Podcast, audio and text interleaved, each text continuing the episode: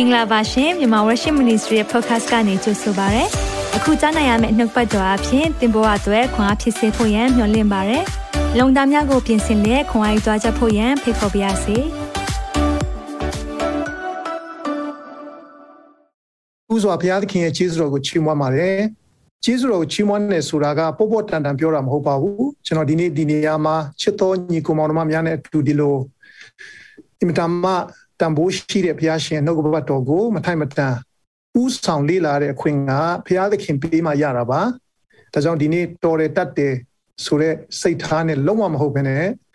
ဘုရားသခင်ရဲ့ကျေးဇူးတတ်တဲ့ကြောင့်အထူးသဖြင့်ဘုရားသခင်အသုံးပြုလက်ရှိတဲ့ဆရာဒေးဗစ်နောက်ပြီးတော့သူ့ရဲ့ဇနီးတဲ့ဇနီးချောဆရာမမစီဟုတ်တယ်နော်အဲသူတို့လင်မယားနှစ်ယောက်သူတို့ကိုဘုရားရှင်သုံးပြုပြီးတော့မှကျွန်တော်တို့ကိုဒီနေ့ တယောက်နဲ့တယောက်ထိစပ်ခွင့်မိသားဖွဲ့ခွင့်တူတကွနှုတ်ကပတ်တော်လေ့လာခွင့်ပြီးတဲ့အခါမှာဘုရားသခင်ရဲ့အတန်ကိုကြားပြီးတော့ကျွန်တော်ကိုခေါ်ဖိတ်အခွင့်ပေးတော့ဆရာနဲ့ဆရာမကိုထပ်မံပြီးတော့ကျေးဇူးတင်လိုပါတယ်မှုတော်မှာလည်းဆက်ပြီးတော့မှဘုရားသခင်ဒီကြီးမားစွာဆက်၍တစ္ဆာရှိတော်လက်တော်နဲ့ဆက်ပြီးတော့မာစာပို့ဆောင်ကောင်းကြီးပေးပါစေလို့ဆုတောင်းပေးပါတယ်ခုနပြောခဲ့သလိုကျွန်တော်တို့တောင်ကြီးသားတွေဖြစ်တဲ့အခါမှာ ဂုံယူတယ်ဝမ်းမြောက်တယ်သူသဖြင့်ဘုရားရှင်ကတောင်ကြီးသားတွေတို့ကိုတောင်မှအသုံးပြုနိုင်ပါလားဆိုတဲ့စိတ်ပေါ့နော်ဆိုတော့ဒီအတွက်ဘုရားခင်ကြီးဆိုတော့ချီးမွမ်းပါတယ်လို့ဒီနေ့နဲ့ပတ်သက်ပြီးတော့ spiritual eyes key to eternal perspective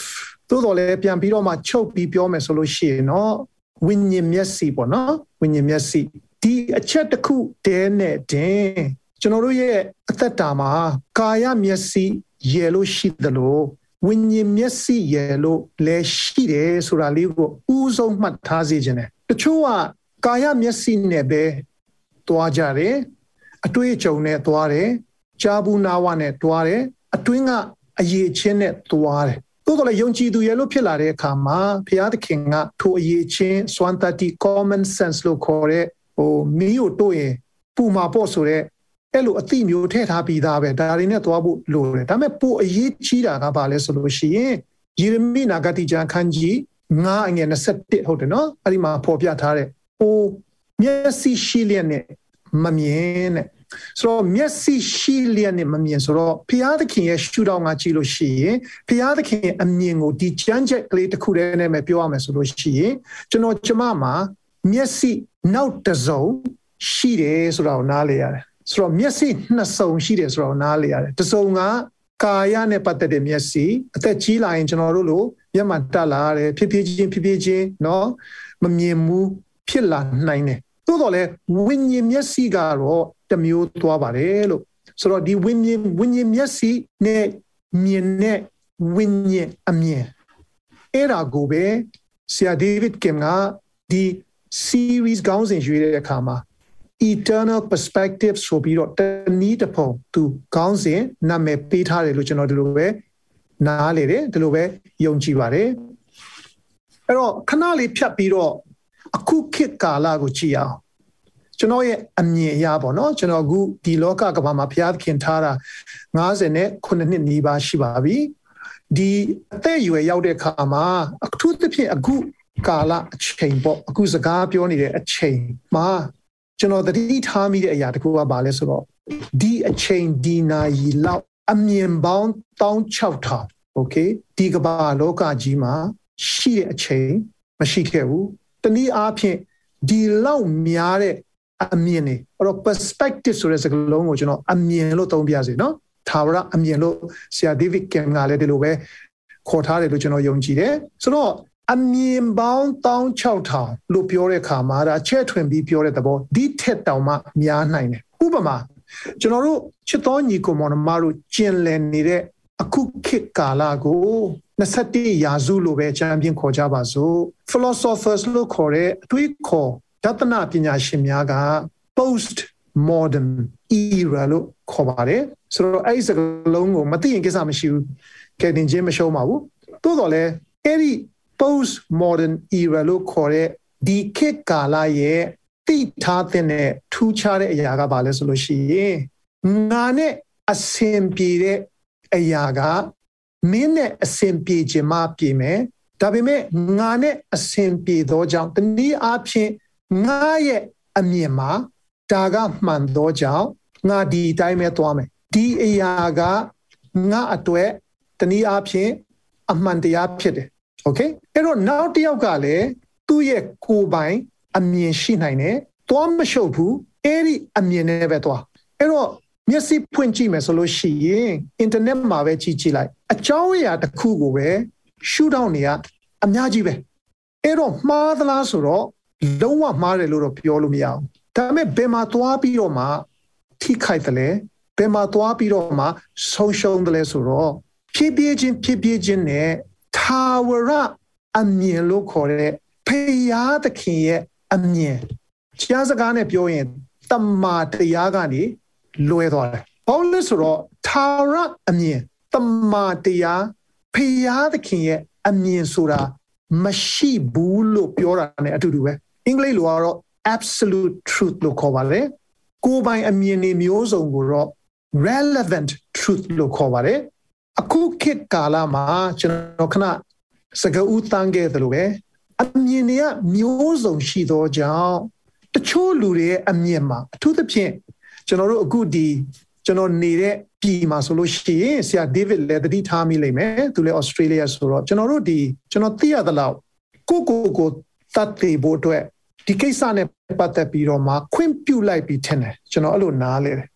euthanasia လို့ခေါ်တယ်မှန်တယ်အကြောင်းတွေရှိတယ်နေမကောင်းဘူးဘလို့မှမျောလင်းချက်မရှိတော့ဘူးဆိုတော့ကိုသိမဲ့နေ့ကိုကိုရွေးမယ်နော်ဒီတိုင်းကြီးတော့မတည်သွားတော့ဘူးဆိုတော့အဲ့ဒါကိုဟလာမှန်တယ်လို့မြင်တာရှိတယ်မှားတယ်လို့မြင်တာရှိတယ်ကြားထဲမှာနေတာရှိတယ်တချို့ကကလေးဖြတ်ချတာကလေးဖြတ်ချတာကမှန်တယ်လို့မြင်တာတွေရှိတယ်အဲ့ဒီအတွက်ကိုတခါတည်းလက်သီးလက်မောင်းတန်းပြီးတော့မှဖြစ်နိုင်လို့ရှိရင်ရန်အောင်ဖြစ်လိုက်အောင်မယ်တချို့ကလည်းဒါကမှားတယ် ဟလာစသဖြင့်ဆိုတော့ဘယ်ဟာကမှန်တယ်လဲဆိုတာကိုမသိတော့လောက်အောင်ထွေပြားစေတဲ့အမြင်ပေါင်းမြောက်များစွာနဲ့ပြည့်နှက်နေတဲ့ကမ္ဘာလောကကြီးအချိန်ကာလလည်းဖြစ်ပါတယ်။ဒါကြောင့်ဒီနေ့အထူးသဖြင့်ဘုရားသခင်ကဆရာဒေးဗစ်ကင်မတဆင့်ရွေးချယ်လာစေတဲ့ဒီ series ရဲ့ခေါင်းစဉ်ဖြစ်တဲ့ eternal perspective ထာဝရအမြင်တနည်းအားဖြင့်ဘုရားသခင်ရဲ့အမြင်နဲ့ သုံးသပ်ရှုမြင် right ဆုံးဖြတ်ချက်ချရှောက်လန်းခြင်းကကျွန်တော်အတွက်တော့အရေးအကြီးဆုံးအရာတစ်ခုဖြစ်တယ်။ဒါကြောင့်လဲလွန်ခဲ့တဲ့နှစ်အတန်ကြာကကျွန်တော်ထင်ပါတယ်လွန်ခဲ့တဲ့9နှစ်6နှစ်လောက်ကကျွန်တော်စာအုပ်တအုပ်ရေးခဲ့ဘူးတယ်အဲ့ဒီစာအုပ်ကယုံကြည်သူနှစ်နှလုံးသားအမြင်လို့အမည်ပေးထားပါတယ်ဆိုတော့အဲ့ဒီစာအုပ်ထဲမှာ အဲ့ဒီဒီသာဝရအမြင်နဲ့ပတ်သက်ပြီးတော့မှအဲ့လိုတိုက်ရိုက်ကြီးတော့ကျွန်တော်မရေးဘူးသို့တော်ညာလည်းသဘောတရားအတူတူပဲဖရာသခင်ရဲ့အမြင်နဲ့မြင်ခြင်းရဲ့အရေးကြီးပုံကိုတနည်းအားဖြင့်ဝိညာဉ်မျက်စိရှိတယ်ကာယမျက်စိရှိတယ်ဒါပေမဲ့ဝိညာဉ်မျက်စိနဲ့မြင်တတ်ခြင်းအပြင်အသက်တာမှာဖရာသခင်ရဲ့မာစာခြင်းလံတစ်ချိန်မှာဖရာသခင်ရဲ့ဘုန်းကိုထင်ရှားစေခြင်းတာရုသစ္စာရှိသောငယ်သားကောင်းလို့အခေါ်ခံထိုက်တော်သူဖြစ်ဖို့အတွက်အဲ့ဒီရဲ့အစအဲ့ဒီရဲ့တော့ချက်ကအဲ့ဒီဝိညာဉ်မျက်စိ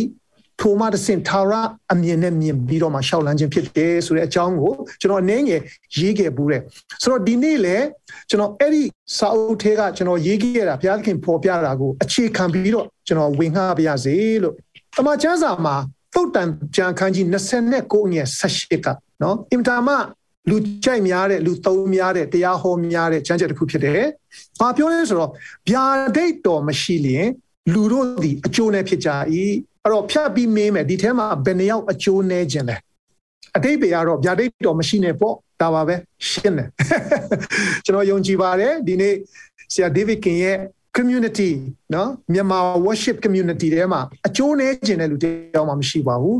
အကျိုးနည်းဖို့ဆုတောင်းပေးပါလို့ဆုတောင်းခံတဲ့လူဘယ်သူမှမရှိပါဘူးဒီလာမဲ့တပတ်မှာနော်ငါအစာရှောင်ရင်းနဲ့တစ်ချက်ခုတ်နှစ်ချက်ပြတ်ငါအသက်တာမှာငါမိသားစုမှာအိမ်တော်ရေးမှာနော်ငွေကြေးအကုန်လုံးအကျိုးနည်းဖို့ငါတို့ထည့်ပြီးဆုတောင်းကြမယ်ဟေးဆိုပြီးတော့မှလက်သေးလက်မောင်းတန်းပြီးဆုံးဖြတ်ချက်ချတဲ့လူတယောက်မှမရှိဘူး okay အကျိုးရှိဖို့အတွက်အဲ့ဒီအကျိုးက ဖျားနဲ့ဆက်ဆိုင်တဲ့အကျိုးတနည်းအားဖြင့်ကောင်းကြီးမဆာခြင်းလမ်းပြခြင်းဟာလားဖျားလိုတော့ရှိကချမ်းမာခြင်းအပါဝင်ပေါ့နော်ဆိုတော့ထိုအရာများအတွက်ပဲရည်တမ်းမယ်မျှော်မှန်းမယ်လို့ကျွန်တော်ယုံကြည်တယ်ဆိုတော့စိတ်ဝင်စားဖို့ကောင်းတာကဗျာဒိတ်တော်မြန်မာလိုကနော်ခံစားချက်တစ်မျိုးဖြစ်စေတယ်အင်္ဂလိပ်လိုကဘယ်လိုပြောလဲဆိုလို့ရှိရင် where there is no vision or without vision so vision ဆိုတဲ့စကားလုံးကိုသုံးထားတာတွေ့ရတယ်ဆိုတော့ဗျာဒိတ်ဆိုတဲ့စကားလုံးမြန်မာလိုဒါပေမဲ့အင်္ဂလိပ်လိုက vision vision ဆိုတဲ့စကားလုံးကိုစဉ်းစားလိုက်လို့ရှိရင်မျက်လုံးဆိုတဲ့စကားလုံးကိုတတ်တတ်ကြည့်ထားလို့မရတော့ဘူးအဲ့ဒီနှစ်ခုကိုအမြဲတွဲထားတယ် vision ဆိုတဲ့စကားလုံးသုံးမယ်ဆိုရင်မျက်စိဆိုတာကိုတွဲပြီးတော့မှတင်းကားပြားရဲ့ကောင်းတဲ့ပန်းလိုပဲเนาะခွဲလို့မရအောင် ဒီနေရာမှာတော့ကာယမျက်စိထက်ဖယားရဲ့မျက်စိတနည်းအားဖြင့်ဝိညာဉ်မျက်စိတနည်းအားဖြင့်ဖယားအမြင်နဲ့သုံးသပ်ရှုမြင်တတ်ခြင်းကိုဆိုလိုတယ်။ Okay ဖယားအမြင်နဲ့မြင်လို့ရှိရင်အခြေအနေကပြောင်းသွားတယ်။လှမ်းတဲ့ခြေလှမ်းတွေကပြောင်းသွားတယ်။ဦးတည်ချက်တွေကပြောင်းသွားတယ်။ဆုံးဖြတ်ချက်တွေကပြောင်းသွားတယ်။အာမင်။ အဲ့တော့ဒီနေရာမှာ vision without vision တနည်းအားဖြင့် God's perspective eternal perspective ဖယားရဲ့အမြင်ဝိညာဉ်အမြင်ဝိညာဉ်မျက်စိနဲ့မြင်တတ်ခြင်းမရှိရင်အကျိုးနည်းမယ်ဒါကိုပြောတာအဲ့တော့ဖယားသခင်ကဒီလိုပြောတဲ့အခါမှာအကျိုးနည်းစေခြင်းလို့အကျိုးနည်းစေခြင်းလို့စပေးတဲ့ဘုရားမဟုတ်ဘူးဘုရားသခင်ကအကျိုးရှိစေခြင်းနဲ့ အကျိုးများစေခြင်းနဲ့အကျိုးပွားစေခြင်းနဲ့အကျိုးဆင့်ပွားစေခြင်းနဲ့ဘုရားဖြစ်တယ်ကျွန်တော်မကြာခဏပြောသလိုပဲကပောက်ကျန်ခန်းကြီးစနစ်ငယ်တစ်ကသုံးကြည့်ရင်အာဗျံကိုဘုရားသခင်ပေးတဲ့ဂတိကကောင်းကြီးခံရမယ်တနည်းအားဖြင့်အကျိုးဖြစ်မယ်အကျိုးရှိမယ်ကောင်းကြီးဖြစ်မယ်တနည်းအားဖြင့်အဲ့ဒီအကျိုးကိုဆင့်ပွားလက်ဆင့်ကားနိုင်တဲ့သူလည်းဖြစ်ရမယ်ဟာလေလုယာအဲ့တော့အခုလက်ရှိ ကျွန်တော်တို့ရဲ့မျိုးဆက်မှာတည်းမဟုတ်ဘူးနောက်မျိုးဆက်တွေကိုလည်းလက်ဆင့်ကမ်းသွားနိုင်မဲ့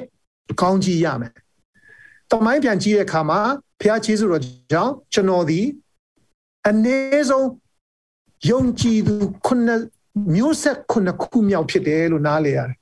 ဆိုတော့ကျွန်တော်အနေနဲ့ကျွန်တော်ရဲ့ဘူဘူဘူဘူကြီးဘူဘူကြီးတွေဘူဘူကြီးအဲ့လိုပြန်ပြီးတော့ကြည့်မယ်ဆိုလို့ရှိရင်ဟိုးအထက်မှာခုနှစ်ဆက်အနည်းဆုံးမျိုးဆက်လောက်ကတည်းက နော်ဒီဖျားသခင်ရဲ့ကေတင်ခြင်းကိုရပြီးတော့မှအမြင်ပြောင်းသွားတဲ့โอเคအမြင်ပြောင်းသွားတယ်တနည်းအားဖြင့်သာမန်မျက်လုံးနဲ့မြင်တတ်တွေးတတ်စဉ်းစားတတ်တဲ့ဘဝကနေဖျားသခင်ရဲ့ရှုထောင့်ကနေဖျားသခင်ရဲ့အမြင်နဲ့စပြီးမြင်လာတတ်တဲ့မျိုးစေ့ကတဆင့်ပြီးတဆင့်ပြီးတဆင့်ပြီးတဆင့်ကျွန်တော်တို့မိသားစုတွေမှာရောက်လာတဲ့အခါမှာ နော်ဆင့်ပွားပြီးတော့ပေါ့လေအဲအဲ့ဒါပဲအမှန်လို့မဆိုလိုပါဘူးဒါပေမဲ့ကျွန်တော်ပြန်တွက်ကြည့်တဲ့အခါမှာမြောက်များစွာသောကျွန်တော်အမျိုးတွေအကုန်လုံးကအမှုတော်ဆောင်နေဖြစ်ကုန်ကြတယ်သူတို့အမြင်မှာနော်စီးပွားလုပ်ချင်တဲ့သူတွေရှိတယ်တချို့ကျွန်တော် cousin တွေထဲမှာဆိုလို့ရှိရင်အမြင်ထဲမှာငါချမ်းသာရမယ်ငါစီးပွားလုပ်ရမယ်ငါဒီလိုပညာတတ်ရမယ်လို့ဒီလိုအမြင်ရှိတော်လဲဘုရားသခင်ရဲ့ဝိညာဉ်တော်ရဲ့မဆာခြင်းကြောင့်အမြင်ပြောင်းသွားပြီးတဲ့အခါမှာဒါတွေအားလုံးက နိုင်ငံတော်နဲ့ဖြောင့်မတ်ခြင်းကိုဥစွာရှာတနည်းအားဖြင့်ဖျားသခင်ရဲ့အလိုတော်ကိုဝန်ခံပြီးတော့မှစလိုက်လျှောက်တဲ့အခါမှာလေဒါတွေအားလုံးကရနိုင်ပါလားဆိုတဲ့အမြင်ပြောင်းသွားစေတယ်ဆိုတော့ဆက်ပြီးသွားမယ်ဆိုလို့ရှိရင်ကျွန်တော်နှစ်သက်တဲ့ကျွန်တော်ဖတ်ဖူးတဲ့စာအုပ်တွေကကျွန်တော်နှစ်သက်တဲ့စာအုပ်ကပါလဲဆိုတော့ the art of war လို့ခေါ်တယ်အဲ့ဒါကိုဟိုးနှစ်ပေါင်းထောင်နဲ့ချီပြီးရှိတုန်းကတရုတ်ပြည်မှာ တရုတ်ပြည်မကြီးမှာအင်မတန်မှနာမည်ကျော်ကြားခဲ့တဲ့စစ်ဗိုလ်ချုပ်ကြီးစန်းစုကရေးတာအဲ့စာအုပ်ကိုနော်ဆိုအဲ့စာအုပ်ထဲမှာကျွန်တော်မှတ်ထားမိတဲ့အရာလေးတစ်ခုကဘာပြောလဲဆိုတော့အင်္ဂလိပ်လိုက all warfare is based on deception နဲ့အဲ့တော့သူကဘယ်လိုပြောလဲဆိုတော့စစ်နဲ့ပတ်သက်လို့ရှိရင်ပတ်သက်မှုမှန်သမျှရဲ့အခြေခံကအမြင်ကိုလှည့်စားခြင်းဖြစ်တယ် သူကဒီလိုပြောတယ်ဆိုတော့တနည်းအားဖြင့်စန်းစုလို့လို့ရှမ်းရှမ်းတော့နော်စစ်နဲ့ပတ်သက်လို့ရှိရင် view ဟာနဲ့ပတ်သက်လို့ရှိရင်ကဘာကအတိအမှပြူရတဲ့အဆင့်ရှိတဲ့သူရဲ့ပါဇက်ကထွက်လာတဲ့အရာတခုကဘာလဲဆိုရင်စစ်ရေးစစ်ရာနဲ့ပတ်သက်လို့စဉ်းစားလိုက်ရင်အမြင်ဆိုတာအင်တာမအရေးကြီးတယ်တဲ့အဲ့တော့စစ်အောင်ခြင်းမအောင်ခြင်းကအဲ့ဒီအမြင်ကိုလှည့်စားနိုင်ခြင်း မလှည့်စားနိုင်ခြင်းပေါ်မူတည်တယ်ဆိုပြီးသူကပြောတယ်ဆိုတော့သူကဥပမာဘယ်လိုပေးလဲဆိုတော့ထားပါတော့တဲ့ငါတို့ရဲ့တက်ကြီးကရန်သူတက်နဲ့နီးနီးလေးရှိနေတယ်ရန်သူတွေကမသိဘူးအဲ့ဒါဆိုလို့ရှိရင်တဲ့ရန်သူကိုဘယ်လိုလှည့်စားရမလဲဆိုရင်ငါတို့တက်ကြီးကရန်သူတက်နဲ့အဝေးရှိတယ်လို့နော်ဖြစ်အောင်လှည့်စားဆိုတော့ရန်သူရဲ့စိတ်ထဲမှာဩဟိုဘက်တပ်ဖွဲ့တွေကအဝေးရှိသေးတယ်မရောက်လာသေးဘူးဆိုပြီးပြင်ဆင်မှုနေတာပေါ့နည်းနည်းလေးတော်ကြီးရော်ကြီးနေတာပေါ့ အဲ့ဒီအချိန်မှာရှောင်းတခင်ဝင်တိုက်လို့ရှိရင်နိုင်တယ်ဒါကိုပြောတာနောက်တနည်းကတော့တဲ့ငါတို့ကရန်သူနဲ့အဝေးရှိနေတဲ့အခါမှာရန်သူနဲ့နီးနီးလေးရှိနေတယ်လို့ထင်အောင်နော်အမြင်ပြောင်းသွားအောင်အမြင်မမှန်အောင်လှည့်စားအဲ့လိုလှည့်စားနိုင်လို့ရှိရင်အောင်မြင်နိုင်တဲ့နောက်နီးတစ်ခုထပ်ဖြစ်တယ်လို့ပြောတယ်။တမန်ကျမ်းစာကြည့်တဲ့အခါမှာယောရှုတို့နော်ခံလိုက်ရတာရှိတယ်။တမန်ကျမ်းစာကိုကျွန်တော်မသွားတော့ဘူးမှတ်မိလားမသိဘူး။ အနီးနားမှာရှိတဲ့ရန်သူကသူတို့ဖြစ်ပြေးချင်းဖြစ်ပြေးချင်းရေရီခေါ်မျိုးပြီးတော့မှနော်အာအီစသဖြင့်တိမ့်ပိုက်တဲ့အခါမှာသူတို့လည်းကြောက်ပြီးတော့မှနီးနီးလေးမှရှိတော့လေဟိုးအဝေးရနေလာရလွန်းတော့ကြောင်အဝတ်တွေလည်းစုပ်ပြတ်ရေတွေလည်းမရှိတော့ဘူးအကောင်တွေတော့ပိန်ချောက်နေတယ်ဆိုပြီးလှည့်စားမှုနဲ့လာတဲ့အခါမှာယောရှုတို့ရဲ့အမြင်မှာ အော်ဒီလူတွေကနော်ပြောတာတကယ်မှန်တာပဲနော်ငါတို့ရန်သူလိုမဆက်ဆံသင့်ဘူးသူတို့ကိုငါတို့လက်ခံသင့်တယ်ဆိုပြီးအမြင်ပြောင်းသွားတယ်အဲ့ဒါကိုအခွင့်အရေးယူတာဒါဆိုရင်မိကွန်းကတင်းနဲ့ကျွန်တော်တက်တာမှာစာရမာနကရောအခွင့်အရေးမယူနိုင်ဘူးလားဒီနေ့စာရမာနကကျွန်တော်ကျမတက်တာမှာအဖြစ်စေခြင်းဆုံးအရာတစ်ခုကဘာဖြစ်မယ်လို့ကျွန်တော်အနေနဲ့ personally ယုံကြည်လဲဆိုလို့ရှိရင်တင်နဲ့ကျွန်တော် ထာဝရအမြင်နဲ့မမြင်တတ်အောင်ဒါပဲအဲ့လိုမမြင်ရင်တင်နဲ့ကျွန်တော်တက်တာမှာအကျိုးနည်းခြင်းဖြစ်လိမ့်မယ်ရောတစ်ဆက်တစ်ဆက်မှာတခိုးဒီခိုးဖို့တတ်ဖို့ဖြက်စီးဖို့ဆိုတော့ခိုးခြင်းတတ်ခြင်းဖြက်စီးခြင်းဆိုတာကအကျိုးနည်းခြင်းနဲ့ညီမျှတယ်โอเคအကျိုးနည်းခြင်းနဲ့လုံးပါပါသွားတယ်ပယုတ်လုံးလို့ဖြစ်သွားမယ်နော်ဆိုတော့ဒီထဲမှာပယုတ်လုံးလို့ဖြစ်ခြင်းနဲ့ယုံကြည်သူဘယ်နှယောက်ရှိလဲမရှိပါဘူးတရားမှာနော်အကောင်းစားရင်မွေးလို့လောက်တော့ဖြစ်ချင်မှာပေါ့ဟုတ်တယ်ဟုတ် ဆိုတော့ဒီနေ့ကိုယ်ချားချက်လေးကဝိညာဉ်မျက်စိနဲ့မြင်တတ်ခြင်းဝိညာဉ်မျက်စိနဲ့မမြင်တတ်ခြင်းဒါပဲဒါပဲဆိုတော့ဒီဥမာလေးကိုကျွန်တော်တခုထပ်ပြီးပေးပြရစေဆိုတော့ကျွန်တော်အသင်းတော်မှာတကယ်ဖြစ်တာပါနော်လွန်ခဲ့တဲ့ထားပါတော့15နှစ်လောက်ကမှုတော်ဆောင်တယောက်ရောက်လာတယ်နော်ဒီမှုတော်ဆောင်ကဒီရှေ့လေပိုင်းကလာတာဖြစ်တယ်နော်ရုပ်ချောသားဖြူထောင်ထောင်မောင်းမောင်းတော့တရားဟောရန်ကောင်းတယ် သူသဖြင့်ဒီဧဝံဂေလိနဲ့ပတ်သက်လို့သူပြောလိုက်လို့ရှိရင်အာရန်ထီတယ်အယောင်ကောင်းတယ်ဖြည်းဖြည်းချင်းဖြည်းဖြည်းချင်းနဲ့အသင်းတော်မှာနေရာရလာတာပေါ့နော်ရလာပေမဲ့ထူးခြားတယ်လူတချို့ကနော်သူမှာတခုခုမမှန်ဘူးဆိုပြီးတော့မှသူတို့ရဲ့ဝိညာဉ်ထဲမှာဘုရားဖော်ပြတယ်ဆိုတော့သူတို့ဒီလိုကြည်တာနဲ့ပရိသတ်ကဒီလိုကြည်တာနဲ့မတူဘူးโอเคအဲ့တော့အဲ့ဒီခါမှာတတိထားပြီးဆူတောင်းတဲ့ခါမှာနှစ်နှစ်လဲကြာရော သူ့ရဲ့ဇာလန်နေတစ်ခုပြီးတစ်ခုပေါ်လာတယ်သူကနော်ပတ်စံနေနဲ့ပတ်သက်ပြီးမိမနေတဲ့ပတ်သက်ပြီးရှုပ်တာတွေအများကြီးရှိခဲ့တယ်အဲ့ဒါတွေတခုမှမသိဘူးဆိုတော့သဘောထားနဲ့သဘောထားကောင်းကောင်းနဲ့ပဲလက်ခံတာပေါ့နော်ဆိုတော့ဆိုလိုချင်တာကဘာလဲဆိုတော့ဘုရားသခင်ရဲ့အမြင်နဲ့ကြည့်နိုင်ခြင်းကြောင့်ဆုံးရှုံးတင်တယ်လို့မဆုံးရှုံးသွားဘူးဒီအမှုတော်ဆောင်ကိုတင်းတော်မှာလက်ခံခြင်းကြောင့်โอเคဘုရားသခင်ရဲ့ခြေစွတော်ကြောင့်တတိနဲ့ နေနိုင်တဲ့အခါမှာနော်နာမည်တစ်ခါလေးနာမည်ပါပြတ်သွားနိုင်တယ်တင်းတော်ဟုတ်တယ်ဟုတ်တချို့အခြေအနေတွေသူတို့ကြောင့်နော်ဒါပေမဲ့ဘာမှမဖြစ်တဲ့အပြင်ဘုရားသခင်ခြေစွတော်ကြောင့်ကောင်းကောင်းမွန်မွန်အားလုံးဆင်ပြေတယ်နောက်ပြီးတဲ့အခါမှာလူကြီးတယောက်လူကြီးအသက်ကအဲ့ဒီချိန်တော့မှတ်မိသလောက်ဒါကြပါပြီ80ကျော်နေပြီနော်နောက်ပြီးမျက်စိမမြင်ဘူးလုံးဝမမြင်ဘူးမျက်စိဆိုတော့ဘလောက်တနာစရာကောင်းလဲဟုတ်လားမဟုတ်လားမျက်စိမမြင်ဘူးလူကလည်းအသက်80လောက်ရှိနေပြီဟုတ်တယ်ဟုတ်ဒါက ဒီကာယမျက်စိနဲ့ကြည့်တဲ့အခါမှာဒါပေမဲ့ဘုရားသခင်ကဘာဖော်ပြလဲဆိုတော့ဒီလူကမမှန်ဘူးတခုခုမှားနေတယ်โอเคမှားနေတယ်ဆိုတော့သူနဲ့ပတ်သက်လို့ရှိရင်တတိထားသူသဖြင့်ကလေးတွေနဲ့ပတ်သက်ပြီးတော့ဆိုတော့နည်းနည်းလေးစိတ်ထဲမှာဘဝင်မကြစရာနေသားမကြဘူးပေါ့တလူကြီးကမဖြစ်နိုင်ဘူးလေဟုတ်တယ်ဟုတ်မျက်စိလည်းမမြင်ဘူးအသက်ကလည်း80ကျော်ဒါပေမဲ့ဇလန်အတူချုံပြောရမယ်ဆိုလို့ရှိရင်အခုအချိန်ထိ ဒီပုဂ္ဂိုလ်ကြီးကဝမ်းနည်းစရာကောင်းလှစွာထောင်ထဲမှာရှိနေတယ်။ဘာလို့လဲဆိုတော့ကလေးတွေနဲ့ပတ်သက်ပြီးတော့မှမကောင်းတဲ့အရာတွေလောက်တဲ့ကလေးရှိတော့ကြောင့် okay ဆိုတော့ဒါကတော့ကျွန်တော်တက်တာမှာအတင်းတော်တက်တာမှာတွေ့ကြုံရတဲ့အတွေ့အကြုံကိုအခြေခံပြီးတော့ဥပမာအနေနဲ့အနေငယ်ပြောပြခြင်းဖြစ်ပါတယ်။အဲ့တော့ဒီနေ့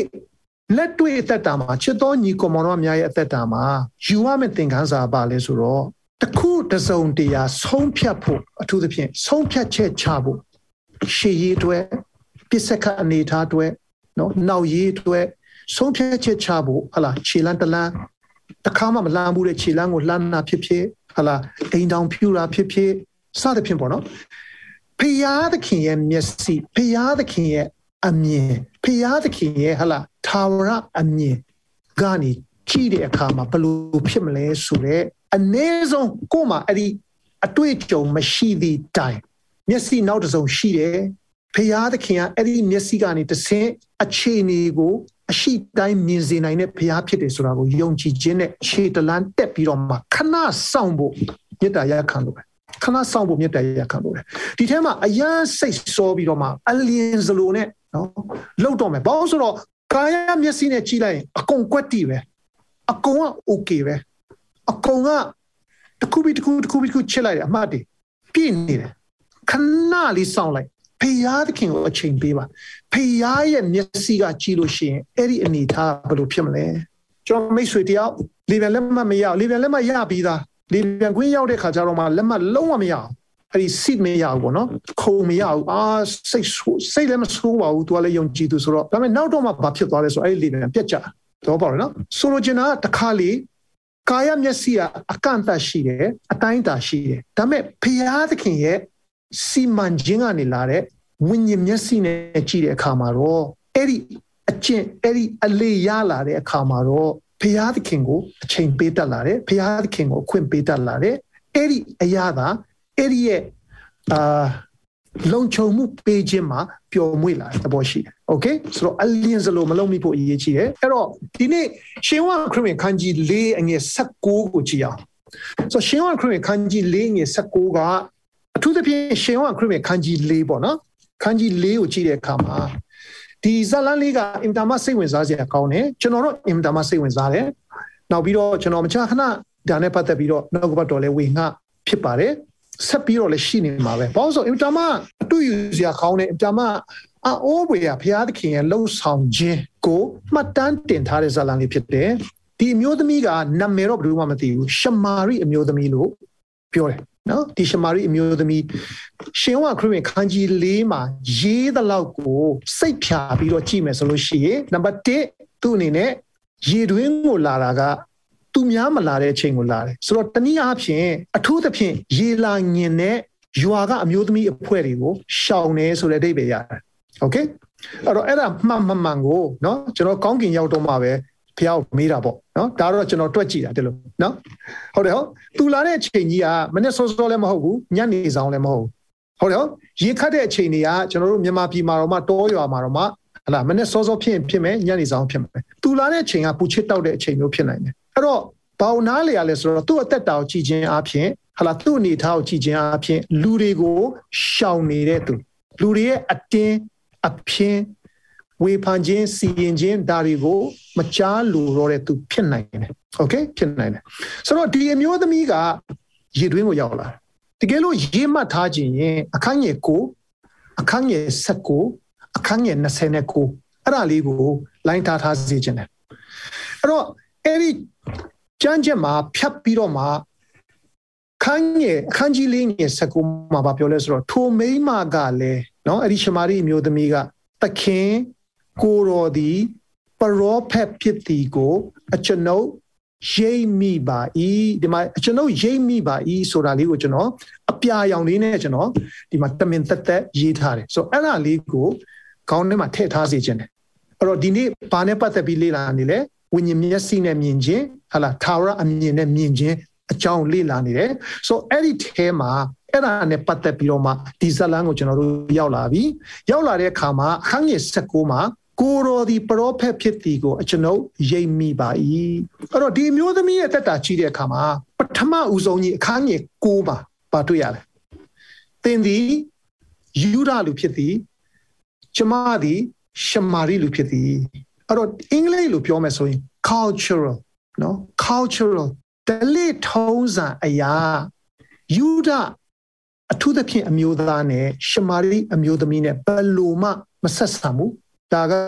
မတူဘူးမတန်ဘူးနော်လုံးဝမဖြစ်နိုင်ဘူးလုံးဝမဖြစ်နိုင်ဘူး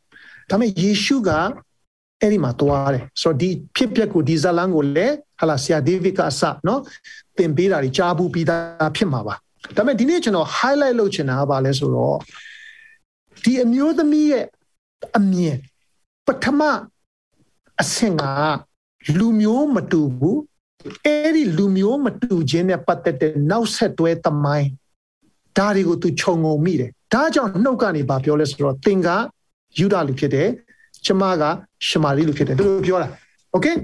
ဆိုတော့ဒီထိသဘောတူမယ်လို့ယုံကြည်တယ်ဆိုတော့ဒါကသူ့ရဲ့ပထမအမြင်ဆိုတော့သင်နဲ့ကျွန်တော်မှာကောဒီလိုအမြင်မျိုးမရှိနိုင်ဘူးလားရှိနိုင်တာပေါ့မျက်စိရှိတဲ့လူတိုင်းစဉ်းစားနိုင်တဲ့လူတိုင်းဒီလိုမျိုးเนาะရှိနိုင်တယ်ဒါက rocket science လို့ခေါ်တဲ့ဟိုဂျိုဒုနဲ့ပတ်သက်တဲ့သိပ္ပံပညာမှမဟုတ်တာဘာမှမခက်ဘူးဟုတ်တယ်ဟုတ်ဒါပေမဲ့ဖျားသခင်ကယေရှုကအဲ့ဒီအမျိုးသမီးစီကိုတက်တက်မမတမင်တက်တက် သွားပြီးတော့မှ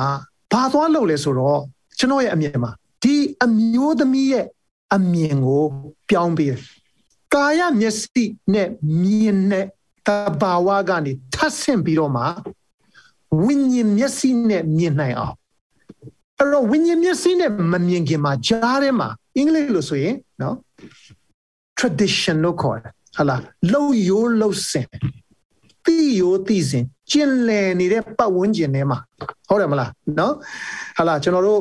တောင်ကြီးမြို့မှာနေခဲ့တယ်ဆရာဒေးဗစ်ကင်နော်သိမယ်မြို့မှာရက်ကွက်ကျွန်တော်နေတဲ့အိမ်လေးနားမှာဆိုရင်မနဲ့စိုးစိုးဆိုလို့ရှိရင်ဘာခေါ်လဲအဲ့ဒါတီးတာဂျေးစီလားဟာလားဂျေးစီတီးတာနော်အဲ့ဒီအတန်ကိုကျွန်တော်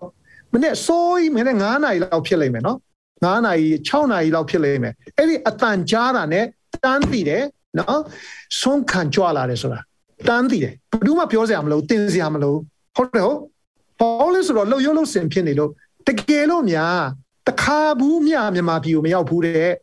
တခါဘူးမြဒီတွေ့ကြုံမရှိတဲ့ဟာလာအမေရိကန်ကြီးတယောက်ဖြစ်ဖြစ်ဟာလာအော်စီတယောက်ဖြစ်ဖြစ်ခေါ်ဝါရင်မနေ့စိုးကြီးမှအဲ့ဒီတန်ချလို့ရှိရင်သူတွေးမှာပေါ့တို့လို့တို့လို့ဒါပါလေ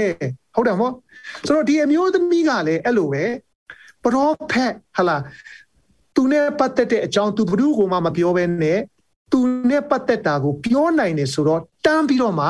သင်သည်ပရောဖက်ဖြစ်တယ်လို့ပြောနိုင်တယ်ဒါက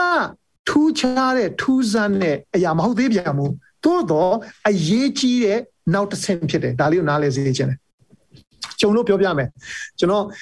ဟိုစာပြီးခဲ့တဲ့3လေးနှစ်ကကျွန်တော်သားလေးကိုမြန်မာပြည်ခေါ်သွားတာဟိုခေါ်သွားတော့တောင်ကြီးပဲတောင်ကြီးအသင်းတော် sorry နော်ဒီနေ့တောင်ကြီးနေဖြစ်နေ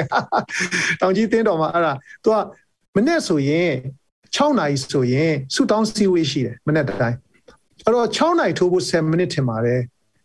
ခေါင်းလုံးတီးတာခေါင်းလုံးကြီးအကြီးပဲအဲ့ဒီမှာအသားလဲတော်တော်မိတာနော်ကျွန်တော်သားကကျွန်တော်အဖေမေအိမ်မှာအိတ်တာပေါ့မနေ့စိုးကြီး6နိုင်ထိုး15မိနစ်လောက်ခေါင်းလုံးတန်လဲပြီးရောရုတ်တရက်ထပြီးတော့မှ evacuate evacuate ဟလာဟို မိလောင်လို့ပြေးပေါ်ဆိုပြီးတော့ကျွန်တော်တို့ AC ဆိုပဲပြန်အိတ်ဘာမှဖြစ်ဘူးဒါခေါင်းလောင်းတီးတာဆိုပြီးတခါမှမကြားဘူးတာဟုတ်တယ်မလားအဲ့တော့ဒီအမျိုးသမီးကလည်းနော်သူကပြောင်းပြန်ပေါ့သူကဒီ prophet ဖြစ်တာတို့ဝုပြုကိုးကွယ်တာတို့ဟိုတောင်မှာရှမာရိတွေကိုးကွယ်တယ်ဒီဘက်မှာယူရာတွေကိုးကွယ်တယ်ဒါတွေကကြားဘူးနေကြဟလာတချို့ယုံကြည်သူသက်တာကကြားဘူးနေကြနဲ့ပေါ်ရတာလည်းရှိနိုင်တယ် okay အရေးကြီးတယ်အရေးကြီးတယ် ပြစ်လိုက်လို့ပြစ်လိုက်ဖို့မဟုတ်ဘူးသို့တော်လည်းထူးခြားတဲ့အဆင့်လေးဟာယေရှုကအဲ့ဒီနေရာကိုဆွဲခေါ်လာတယ်ဆိုတော့သဘောပေါက်ဘာလို့လဲဆိုတော့နောက်အဆင့်ဒီဟုသောထာဝရအမြင်နဲ့ဒီအမျိုးသမီးမြင်နိုင်ခြင်းအပြင်သူမတယောက်တည်းကောင်းကြီးရသည်ဒါမကသူမရဲ့ community လို့ခေါ်တဲ့လူအဖွဲ့အစည်းပေါင်းတစ်ခုလုံးကောင်းကြီးရသွားဖို့အတွက်ဒီအဆင့်နေရာရေးကြီးတယ်။ အော်လဲဆိုတော့ယေရှုပရောဖက်ဖြစ်တယ်လို့သူမမြင်သည်နဲ့တပြိုင်နက်ယေရှုမှာယေရှုရဲ့စကားကိုသူစပြီးနားထောင်ဖို့ဖြစ်လာနိုင်တယ်။အဲ့တော့ယေရှုကယောက်ျားကိုသွားခေါ်ဘာလို့လဲဆိုတော့ယဉ်ကျေးမှုဒလေထုံးစံနဲ့ကြည့်ရင်မသိတော့ဘူးလူမျိုးမတူဘူးအထူးသဖြင့်ယောက်ျားနဲ့မိန်းမနှစ်ယောက်တည်းအဲ့တော့နေ့ယောက်ျားရှိလို့ရှိရင်တော့ငါပြောမယ်အသက်ဆိုင်ရင်နဲ့ပတ်သက်တာတွေကပို့ပြီးတော့ထန်ကတိုင်းချမယ်လူတွေစော်ကားစရာမဟုတ်တော့ဘူးအထင်သေးစရာမဟုတ်တော့ဘူးဒါပေမဲ့သိတယ်ဒီမိန်းမမှာယောက်ျားမရှိဘူးဆိုတာ ဘုရားသခင်သိတာပေါ့โอเคသူကကိုရောဒီ prophet ဖြစ်ဒီကိုအကျွန်ုပ်ရိပ်မိပါ၏လို့ပြောလာတယ်ဆိုတော့ဒီစကားလေးကိုခဏနေရထက်ခါထက်ခါကျွန်တော်ပြောပြီးတော့ highlight လေးလုပ်ဖို့အမေတ္တာရက်ခံခဲ့တယ်ဘာကြောင့်လဲဆိုတော့ အဲ့ဒီရိပ်မိပါဤဆိုတဲ့စကားလုံးကအင်္ဂလိပ်လိုက perceive perspective ဆိုတဲ့ eternal perspective ဆိုတဲ့စကားလုံးက perceive ဆိုတဲ့စကားကလာတယ်လို့ကျွန်တော်ဒီလိုယူဆတယ် ပထမအမြင်ပြောင်းခြင်းအဆင့်ပေါ့နော်အဲ့ဒီကိုဟာလာရိုးရာဓလေ့ထုံးစံတဘာဝနဲ့ယူဒလူဖြစ်တယ်ရှမာရီလူဖြစ်တယ်တာမန်မျက်စိနဲ့မြင်ရတဲ့အဆင့်ကနေဝိညာဉ်အဆင့်လေးနည်းနည်းရောက်လာတယ်သင်က prophet ဖြစ်တယ်ကျမသက်တာမှာဖြစ်နေတာတွေကိုပြောနိုင်တယ်ဆိုတာကိုအကျွန်ုပ်ရိပ်မိတယ်ဆိုပြီးတော့မှပြောတယ် okay ဆိုခဏနေရကျွန်တော် စန်ဇူဆိုတာနဲ့ပတ်သက်ပြီးတော့ပြောတဲ့အခါမှာเนาะအမြင်ကိုလှည့်စားတယ်ဆိုတဲ့အရာလေးပြောခဲ့ဘူးတယ်ဆိုတော့အခုဒီနေ့ရှမာရိအမျိုးသမီးရဲ့နှုတ်ကထွက်လာတဲ့အကျွန်ုပ်ရိပ်မိပါဤဆိုတဲ့စကလုံးကိုအတိတ်ပဲဖွင့်မယ်ဆိုလို့ရှိရင်အော်ပထမကတင့်ကိုယူဒလူလောက်ဖဲမြင်ထားတာအခုတော့ သင်ဒီယူဒလူတင်မကပရောဖက်လည်းဖြစ်နေပါလားဆိုပြီးကျမအခုအမြင်သစ်နောက်တစ်ခုထိုက်ရလာတယ်အမြင်တစ်ဆင့်ထပ်တက်လာတယ်ဒါဆိုလို့โอเคအဲ့တော့အခန်းရဲ့20နဲ့ကိုကိုသွားတဲ့အခါမှာတော့ဘာတွေ့ရလဲဆိုလို့ရှိရင်သူကအားတက်တရောနဲ့သူ့ရဲ့မြို့ရွာထဲမှာသွားပြီးတော့မှလူတွေကိုသွားပြီးတော့မှကျွန်ုပ်မြင်ရတဲ့ ကျမမြင်ရတဲ့ဒီသူကမေရှိယဖြစ်ပါသလားဖြစ်ပါသလားဆိုပြီးတော့မှနော်အဲ့လိုလုံးဝတနည်းအားဖြင့်မေကိုမေးတာထက်မယုံကြည်နိုင်လွန်းလို့မေရှိယကိုမျက်ဝါးထင်ထင်ကေတင်ရှင်ကိုမျက်ဝါးထင်ထင်ဖျားကိုမျက်ဝါးထင်ထင်နော်မြင်ရတွေ့ရစကားပြောခွင့်ရပါပြီလားဆိုတဲ့ အဲ့ဒီအမြင်ဖြစ်သွားတယ်ဆိုတော့ပြန်ပြောင်းစဉ်းစားမယ်ဆိုရင်ဒီယေရှုပဲဒီယေရှုပဲပထမယူရလူလို့မြင်တယ်နောက်တစ်ဆင့်ပရောဖက်လို့မြင်လာတယ်နောက်ဆုံးဆင့်ကြတော့ဖယားလို့မြင်သွားတယ်အဲ့ဒီဝိညာဉ်မျက်စိနဲ့မြင်နိုင်ခြင်းကိုဘသူကလုပ်ပေးတယ်လဲတော့ချက်ကဘသူလဲယေရှုခရစ်တော်ဘုရားဖြစ်တယ်ဒါကြောင့်သင်ယေရှုနဲ့အတူသွားလာလို့ရှိရင်သင်ရဲ့အမြင်ကအမြဲတမ်း လိုအပ်ရင်လိုအပ်တယ်လို့ဝိညာဉ်အမြင်နဲ့သင်မြင်နိုင်မှာဖြစ်တယ်ကျွန်တော်တို့တမန်ကျမ်းစာမှာတော့မရေးထားဘူးဖြတ်ပြီးတော့ပြောပြရစေဒီရှမာရိအမျိုးသမီးနဲ့ပတ်သက်ပြီးတော့ orthodox လို့ခေါ်တဲ့ဂိုင်းကနာကြီးရဲ့เนาะတမိုင်းမှာဆိုကျွန်တော်တို့ဟိုဟိုစာ protestant ဆိုတာရှိတယ်ဟလာ baptist methodist စသဖြင့်ရှိတယ် pentecostal ရှိတယ်ဟုတ်တယ်ဟုတ်ခိုင်းကနာတွေရှိတယ် catholic roman catholic ရှိတယ်အဲ့ဒီထဲမှာမှာအင်တာမကြီးတဲ့ ခိုင်းကနာကြီးတစ်ခုရှိသေးတယ်အဲ့ဒါက orthodox လို့ခေါ်တယ်သူတို့ကပထမဦးဆုံးအမှန်ဆုံးခိုင်းကနာလို့ယူဆထားတယ်အဲ့တော့အဲ့ဒီ orthodox tradition orthodox ရဲ့တမိုင်းမှာကြီးတဲ့အခါမှာဒီရှမာရိအမျိုးသမီးကအင်မတန်မှအရေးကြီးတယ်လို့မှတ်တမ်းတင်ထားတယ်ဒီရှမာရိအမျိုးသမီးကိုတဲ့ဘုရားသခင်ကမျိုးစေ့အနေနဲ့သုံးတဲ့အခါမှာလူထောင်နဲ့ချီပြီးတော့မှယုံကြည်သူတွေဖြစ်လာလို့တဲ့နောက်ဆုံးယောမဘယင်က သူ့ကိုထောင်ထဲထည့်ပြီးတော့တပ်ပလိုက်တဲ့အထိဖြစ်တယ်ဆိုပြီးတော့သမိုင်းမှတ်တမ်းတင်ထားတယ်ဘယ်လောက်ထိမှန်နေမှားတယ်တော့ကျွန်တော်မသိဘူးသို့တော့ဒီအမျိုးသမီးရဲ့အမြင်ပြောင်းသွားခြင်းကတနည်းအားဖြင့်ဝိညာဉ်မျက်စိပွင့်လာခြင်းကတနည်းအားဖြင့်ထာဝရအမြင်ရသွားခြင်းကလူပေါင်းမြောက်များစွာ နော်လူပေါင်းမြောက်များစွာမဟုတ်သည့်တိုင်အဲ့ဒီရှမာရိနယ်မှာနိုးထမှု revival ဖြစ်ဖို့ဒီဖြစ်သွားတယ်ဆိုတာကိုမြင်ရတယ်။ဒါကြောင့်တင်းနဲ့ကျွန်တော်သက်တာမှာလေအဲ့ဒီထာဝရအမြင်နော် eternal perspective တနည်းအားဖြင့်ဝိညာဉ်မျက်စိကိုစပြီးတော့မှအလေးပေးခြင်းအပြင်ယေရှုခရစ်တော်ဖခင်ရဲ့ဝိညာဉ်တော်မှတဆင့်ပေါ်ပြခြင်းများကြောင့်မိမိတူးခြင်းအသက်တာမိမိရဲ့မိတ်ဆွေသင်္ကဟာမိမိရဲ့ အိမ်တောင်ဘက်မိမိသားသမီးမိမိမိသားစုမိမိအသင်းတော်ပင်လင်ကောင်းကြီးရဖို့အဲ့ဒီကောင်းကြီးရဆင့်ပွားဖို့အကြောင်းဖြစ်စေနိုင်တယ်ဆိုတော့နားလေရတယ်ဓမ္မရာဆိုရင်သဒုဋ္ဌဆောင်အခန်းကြီး6မှာဓမ္မရာဆိုရင်သဒုဋ္ဌဆောင်အခန်းကြီး6မှာခန်းရယ်နော်15ကကျွန်တော်စဖတ်မယ်နော်နတ်နဲ့စောစောဘုရားသခင်လူဤကျွန်သည်ထ၍ပြင်သို့ထွက်သောအခါ မြင်းစည်းသူရဲ့ယထာစည်းသူရဲ့ဘိုဂျီတို့သည်မြို့ကိုဝိုင်းလျက်ရှိကြသည်ဖြစ်ရန်သူတွေဝိုင်းထားတယ်တနည်းအားဖြင့်ရန်သူတွေဝိုင်းထားတယ်အဲ့ဒါကိုဘယ်သူကတွေ့လဲဆိုရင်ပရောဖက်ရဲ့ကျွန်ကတွေ့တယ်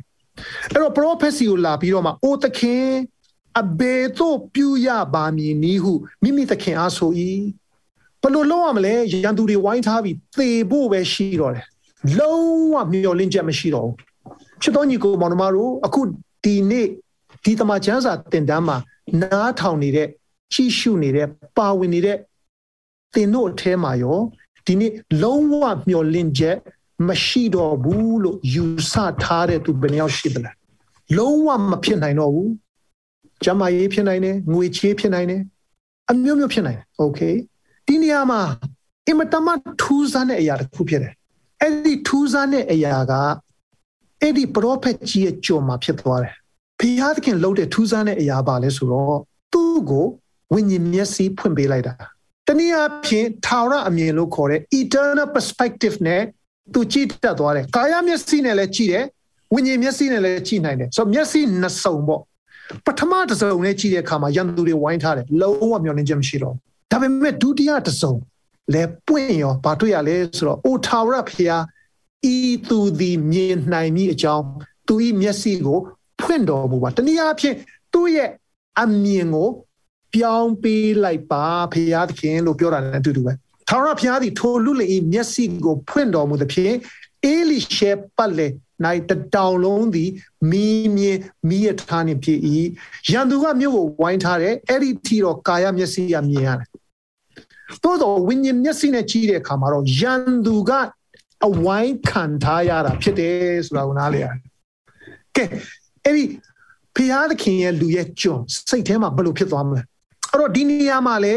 နော်ဒါတမဟောင်းဖြစ်တယ်ခဏနေရရှမာရိအမျိုးသမီးဇလန်ကတမသစ်ဖြစ်တယ်ဟုတ်တယ်ဟုတ်ရှမာရိအမျိုးသမီးရဲ့ဇလန်မှာရိပ်မိတယ်အင်္ဂလိပ်လို perceive ဆိုတဲ့စကားလုံးသုံးထားတယ်အခုဓမ္မရာဆိုရင်သရုပ်စာခန်းကြီး6မှာရှိတဲ့ပရောဖက်ရဲ့ကျွန်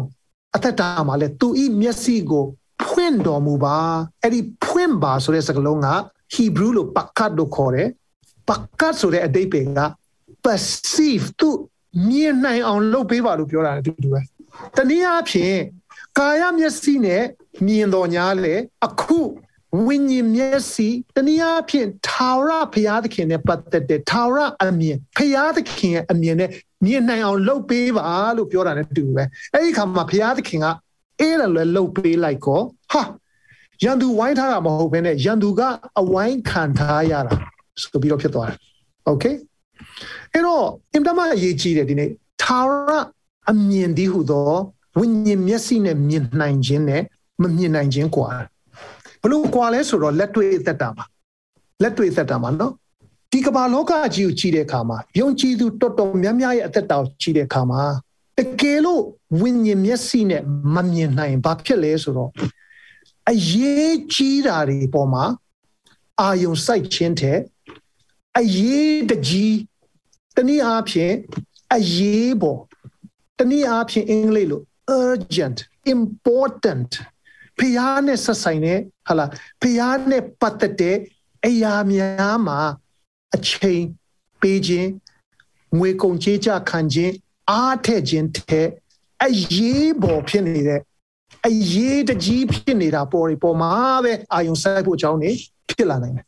ဥပမာမာရိနဲ့မာသာတက်တောင်ကြည့်အရေးကြီးတာနဲ့အရေးတကြီးဖြစ်တာနဲ့နှစ်ခုရှိတယ်မာရိမှာတော့ဘုရားကျေးဇူးတော်ကြောင့်ထာဝရအမြင်အဲ့ဒီအချိန်မှာရှိတဲ့အခါမှာ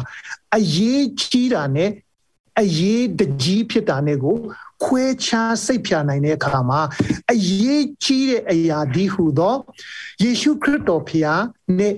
ရသလောက်အချိန်ယူမယ်ဆိုတဲ့အပေါ်မှာအာယုံစိုက်လိုက်တယ် မာရိကတော့အရေးပေါ်ချက်ဖို့ပြုတ်ဖို့ဈေးဝယ်ဖို့အစေကနေကိုဟာလာခိုင်းစီဖို့အစရှိတဲ့ထိုအရာများပေါ်မှာမာရိကအာယုံစိုက်တဲ့အခါမှာနော်ယေရှုကမာရိကိုတတိပေးရတယ်မေတ္တာနဲ့ဆုံးမရတယ်ဆိုတင်တဲ့ကျွန်တော်သက်တာမှာလေဒီနေ့ထာဝရအမြင်နဲ့မြင်တက်လာလို့ရှိရင်ဘယ်လိုဖြစ်မလဲဆိုတော့ဘေဟာက important အရေးကြီးတယ်လေဘေဟာက အရေးပေါ် urgent ဖြစ်တယ်လေကွာတယ်နော်ဆုံးဖြတ်ချက်ချတဲ့နေရာမှာကွာတယ်စောင့်နေမစောင့်ဘူးဆိုတဲ့နေရာမှာကွာလာတယ်နော်နောက်ပြီးတော့မှနော်အာယုံတချို့ကဟိုအယံကိုစိတ်တွေပူခေါ်လို့ဆိုတော့အရေးတကြီးတွေနဲ့ကြီးပဲဝိုင်းရံထားမိတဲ့အခါမှာဒီဘက်ကဘာကပိုအရေးကြီးလဲဆိုတာကိုအာယုံမဆိုင်မိတော့ဘူးတော့ကျန်တဲ့ချက်အနေနဲ့ပေးမယ်ဆိုလို့ရှိရင်မဿဲ6:33မှာ အားလုံးသိတယ်နိုင်ငံတော်နဲ့ဖြောင့်မတ်ခြင်းတရားကိုဥစွာရှာဒါအရေးကြီးတာကိုပြောတာထာဝရအမြင်ကိုအခြေခံပြီးတော့မိမ့်မဲ့ထွားတဲ့ဘုရားသခင်ရဲ့နှုတ်ကပတ်တော်လို့ဝက်ချက်တကယ်တော့နိုင်ငံတော်နဲ့ဖြောင့်မတ်ခြင်းကိုဥစွာရှာတနည်းအားဖြင့်ဘုရားသခင်နဲ့ပတ်သက်တဲ့အရာကိုဦးစားပေးအဲ့ဒါက important အဲ့ဒါကအရေးကြီးတာအဲ့ဒါဆိုလို့ရှိရင်တဲ့ဂျန်နဲ့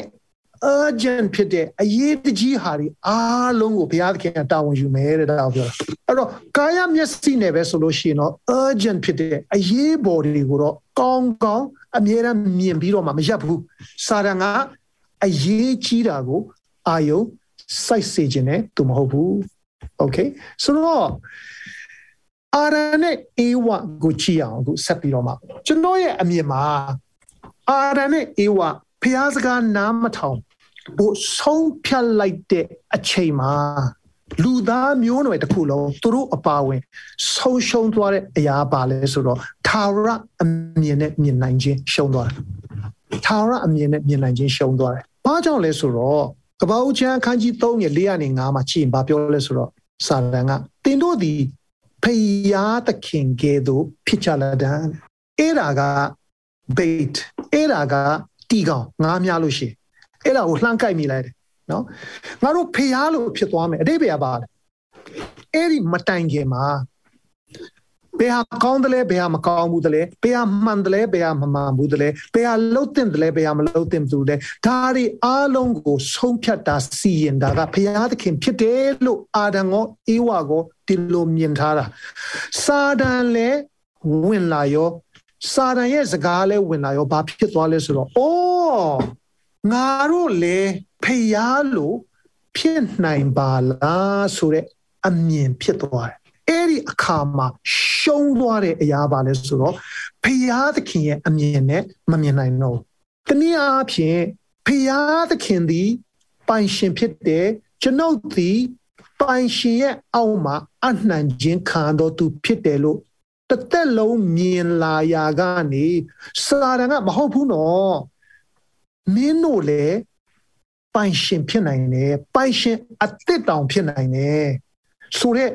မှားယွင်းတဲ့ဒီမျိုးစေ့ကိုထည့်ပေးလိုက်တဲ့အခါမှာအဲ့ဒါကိုယုံကြည်ပြီးတော့လက်ခံပြီးတော့အဲ့ဒီနောက်လဲလိုက်လိုက်ရောရှုံးသွားတဲ့အရာတွေမြောက်များစွာတွေကတခုကဖျားရဲ့အမြင်နဲ့မမြင်နိုင်တော့ဘူး။ဒါကြောင့်ခုခေတ်ကာလကျွန်တော်တို့အသက်ရှင်တဲ့အချိန်မှာကြည့်ကြည့်လိုက် TV ကြည့်မလားရုပ်ရှင်ကြည့်မလားဘာကြည့်မလား ရှက်စရာကောင်းတယ်ဆိုတော့ဖျားသတ်မှတ်ထားတဲ့အရာတွေကရှက်စရာလုံးဝမကောင်းတော့ဘူး။ရှက်စရာမကောင်းတဲ့အရာတွေကရှက်စရာကောင်းတယ်။ကြောက်စရာကောင်းတဲ့အရာတွေကကြောက်စရာမကောင်းတော့ဘူး။လုံးဝကြောက်စရာမကြောက်တဲ့အရာတွေကကြောက်စရာတွေဖြစ်လာတယ်။လှုပ်ဖို့မတင်တဲ့ဟာတွေကလှုပ်ဖို့တင်တဲ့အရာတွေတပွဲဖြစ်လာတယ်လှုပ်တဲ့အရာတွေကမလှုပ်တဲ့အရာတွေဖြစ်လာတယ်ရှင်ပေါလုကြီးကနော်ယောမ ခန်းကြီးခုနှစ်ရှစ်မှာပြောပြထားတယ်ငါလှုပ်ချင်တယ်လှုပ်လို့မရဘူးမလှုပ်ချင်ဘူးလှုပ်ဖြစ်တယ်နော်ဆိုတော့ဘာကြောင့်လဲဆိုတော့အဓိကအထူးသဖြင့်ဝိညာဉ်တော်မရှိရင်အမြင်မှာနော်ဒါကအမှန်ရဲ့လို့ဖြည်းဖြည်းချင်းဖြည်းဖြည်းချင်းဖြစ်လာတယ်နော်ဘာနဲ့တူလဲဆိုတော့ဟာလာအချိုတွေအရန်စားတယ်လို့ပဲအရန်ကောင်းတာကိုစားလို့အချိုကကောင်းတယ်ဆိုပြီးတော့မြင်နေတာဒါပေမဲ့ဖြည်းဖြည်းချင်းဖြည်းဖြည်းချင်းနဲ့ကျမ်းမာရေးနဲ့ပတ်သက်ပြီးလေ့လာတဲ့အခါမှာအိုး အချိုအရန်စားတာမကောင်းဘူးဆိုတဲ့အမြင်သေးရလာတဲ့အခါမှာကာယမှာသွားပြီးတော့ဥဆုံးကြီးအကျိုးသွားရှိစေတယ်လို့ပဲ okay ဆိုတော့ခြုံပြီးတော့အခုပြောခဲ့သမျှကိုကျွန်တော်ပြန်ပြောရမယ်ဆိုလို့ရှိရင်ဖျားသခင်အတွက်သူ့ရဲ့ချစ်တော်သားသမီးယုံကြည်သူသင်နဲ့ကျွန်ုပ်သက်တာမှာသူ့ရဲ့အမြင်ဒီဟုသောထာဝရအမြင်တနည်းအားဖြင့်ဝိညာဉ်မျက်စိပွင့်ပြီးတော့မှစပြီးမြင်တတ်ဖို့အင်မတန်မှအရေးကြီးတယ်ဒီနေ့ဘုရားသခင်ကသင်တဲ့ကျွန်ုပ်ကိုစောင့်လက်ရှိတယ် အဲ့ဒီဝိညာဉ်ကိုအဲ့ဒီဝိညာဉ်မျက်စိကိုအလင်းပေးဖို့အတွက်အဲ့ဒီအခါမှာယုံကြည်သူတက်တာမှာစပြီးတော့မှအပြောင်းလဲဖြစ်လိမ့်မယ်ယုံကြည်သူတက်တာမှာစပြီးတော့မှเนาะအပြောင်းလဲဖြစ်လိမ့်မယ်တချို့ချို့သောသူများကယုံကြည်သူလို့ပြောလို့လဲအမြင်မပြောင်းအမြင်ကဒီတိုင်းပဲအကျင့်မပြောင်းအကျင့်ကဒီတိုင်းပဲ နော်ဘာလို့လဲဆိုတော့လွတ်ယုံလေးသေကောင်းကြီးရောက်ဖို့လောက်လေးစဉ်းစားနေတာဟုတ်ဒါပေမဲ့ဒီနေ့ဘုရားသခင်ဖြစ်စေချင်တာကတင်တဲ့ကျွန်ုပ်ရဲ့ အမြင်ကိုသူ့ရဲ့အမြင်နဲ့အစားထိုးပြီးတော့မှအဲ့ဒီမှာတဆင့်နေတူဝအသက်ရှင်တဲ့ခါမှာတော့လကောင်းထာဝရကာလပြတော့လကောင်းအဲ့ဒီဖရာရဲ့အမြင်နဲ့စပြီးတော့မြင်ခြင်းအပြင်ဆုံးဖြတ်ချက်တွေမတူဖြစ်လာမယ်စဉ်းစားခြင်းတွေမတူဖြစ်လာမယ်အသက်ရှင်ခြင်းက မတူဖြစ်လာမယ်ဒါကြောင့်တစ်ချိန်မှာဘယ်ကိုဖြစ်ဖြစ်ချင်းသွားနေလဲဆိုရင်တာဓုသစ္စာရှိသောညေသားကောင်းလို့အခောက်ခံထိုက်တဲ့သူဖြစ်ခြင်းကိုဖြစ်ဖြစ်ချင်းတက်လှမ်းနေမှာဖြစ်တယ်ဆိုတော့ဒီနေ့အဆုံးအနေနဲ့ခေါင်းစဉ်ကဘာလဲဆိုတော့ဝိညာဉ်မျက်စိကထာဝရအမြင်မြင်နိုင်ခြင်းအတွက်တော့ချက်ဖြစ်တယ်လို့ခေါင်းစဉ်ကပြောတယ်ဆိုတော့အဲ့ဒီခေါင်းစဉ်ကိုပြန်လာဖို့လိုပါလိမ့်မယ်လို့ဆိုတော့ တမန်ကျမ်းစာကြည့်တဲ့အခါမှာနော်ယေရှုကဘာပြောလဲဆိုတော့တဖန်တုံယေရှုကငါသည်ဤလောကဤအလင်းဖြစ်ဤငါနောက်သို့လိုက်တော်သူသည်မှောင်မိုက်၌မတော်မလားအသက်ဤအလင်းကိုရလိမ့်မည်ဟု မိန်တော်မူ၏ဒီနေ့မျက်စိနဲ့ပတ်သက်ရင်ကာယမျက်စိနဲ့ပတ်သက်လို့ရှိရင်အရေးအကြီးဆုံးကဘာဖြစ်မှန်းထင်လဲကာယမျက်စိမြင်ဖို့အတွက်အလင်းဟုတ်တယ်ဟုတ်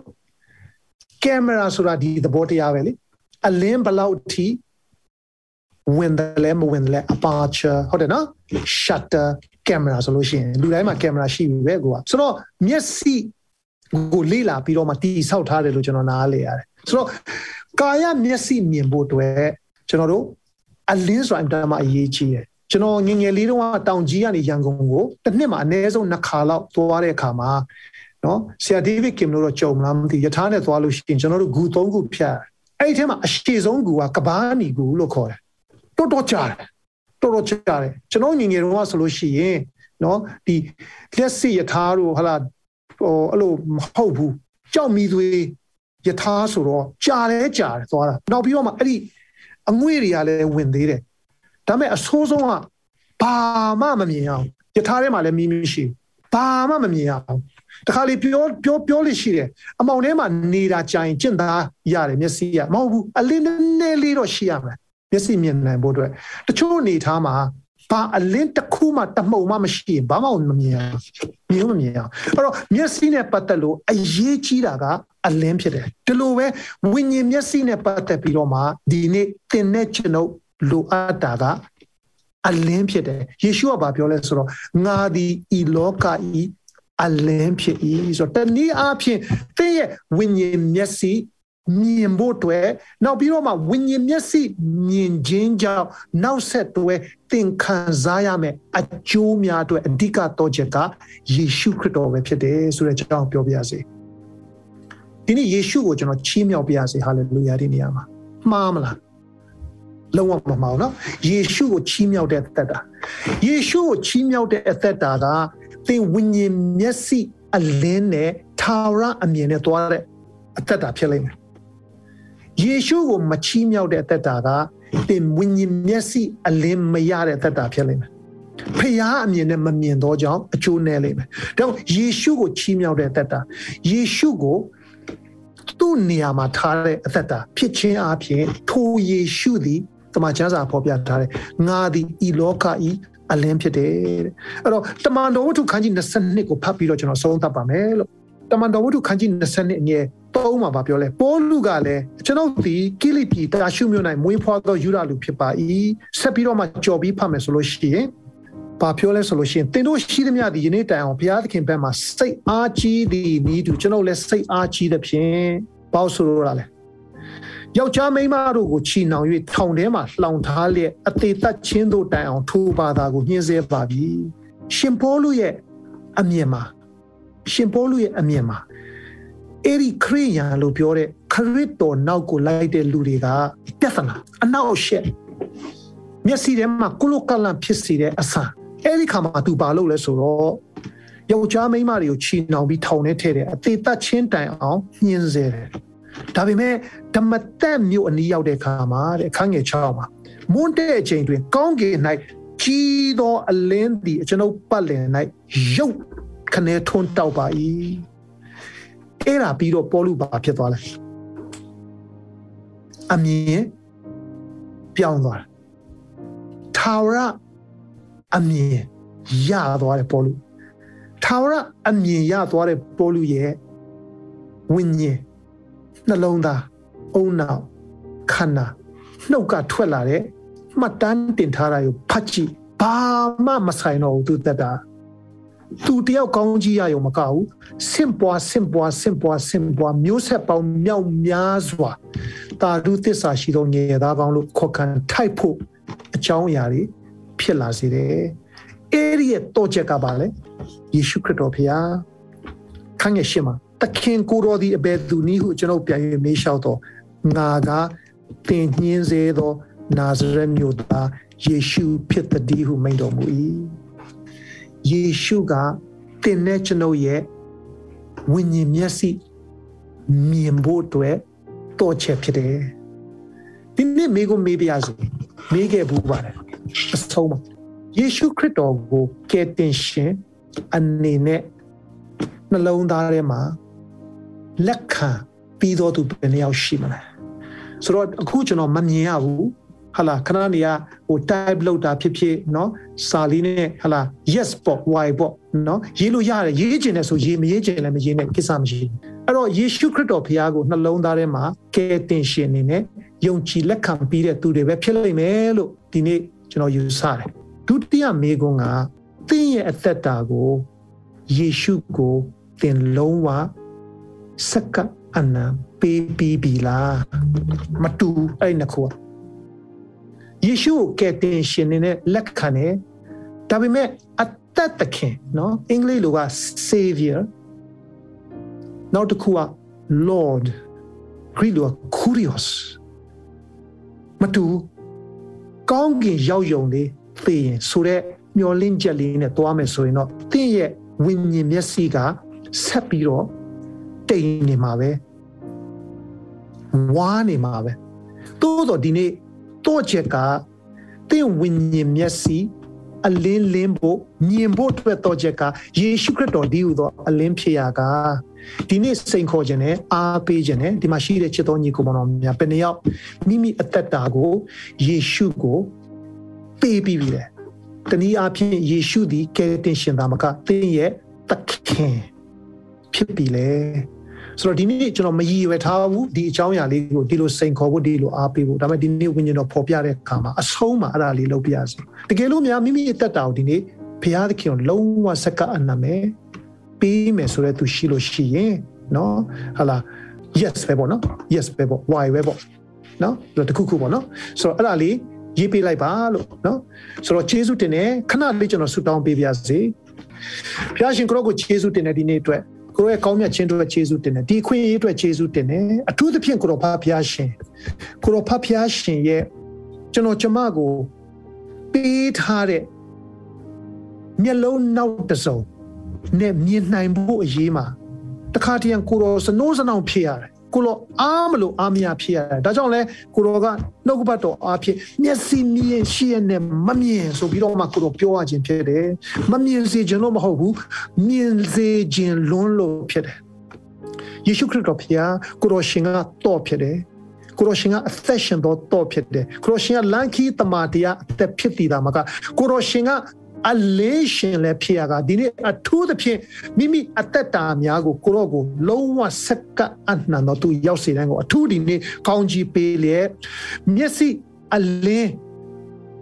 ပြန်ရခြင်းဝိညာဉ်မျက်စိနဲ့မြင်နိုင်ခြင်းဒီဟုသောအမတမကောင်းမွန်၍ကိုရောလိုလိုရှိသောအစပြုခြင်းသည်ဒီနေ့ဖြစ်ပြီးအဲ့ဒီဘိတ်သိက်သည်ထိုသူများပေါ်မှာတက်ရောက်ပြီဆိုတာဝန်ခံ၍ တပါးဒီသောသားတော်တခေရှုခရစ်တော်နာမ၌အသီးသီးအသက်တာခန္ဓာစိတ်ဝိညာဉ်ချင်းတိုင်းအားလုံးကိုပြန်လည်စက္ကအနံပေးပါ၏အာမင်ရောက်စီတိုင်းကိုဖျားရှင်ကောင်းကြီးပေးပါစေ thank you ပါ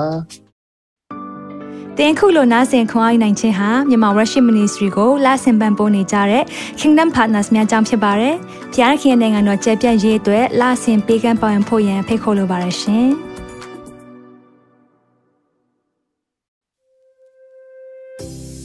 ခုကြားနာခဲ့ရတဲ့နှုတ်ပတ်တော်အဖြစ်ခွန်အားရရှိမယ်လို့ယုံကြည်မျှော်လင့်ပါတယ်။ခွန်အားရရဆိုလို့ရှိရင်ဒီတစ်ပတ်နဲ့ပြန်လည်ဝင်မြပေးဖို့ရန်တောင်းဆိုပါရစေ။ Myanmar Worship Ministry ရဲ့ website myanmarworship.com ကိုလည်းလာရောက်လေ့လာဖို့ရန်တိုက်ဖိတ်ခေါ်ချင်ပါတယ်။တချိန်တည်းမှာမြန်မာ worship ministry ရဲ့ social media platform များဖြစ်တဲ့မြန်မာ worship YouTube channel မြန်မာ worship Facebook page နဲ့မြန်မာ worship Instagram များကိုလည်းလာရောက်လေ့လာဖို့ရန်အတွက်ဖိတ်ခေါ်ချင်ပါတယ်။နောက်တစ်ချိန်မှာပြန်လည်ဆုံတွေ့ကြပါစို့။ဖျားရှင်ကောင်းကြီးပေးပါစေ။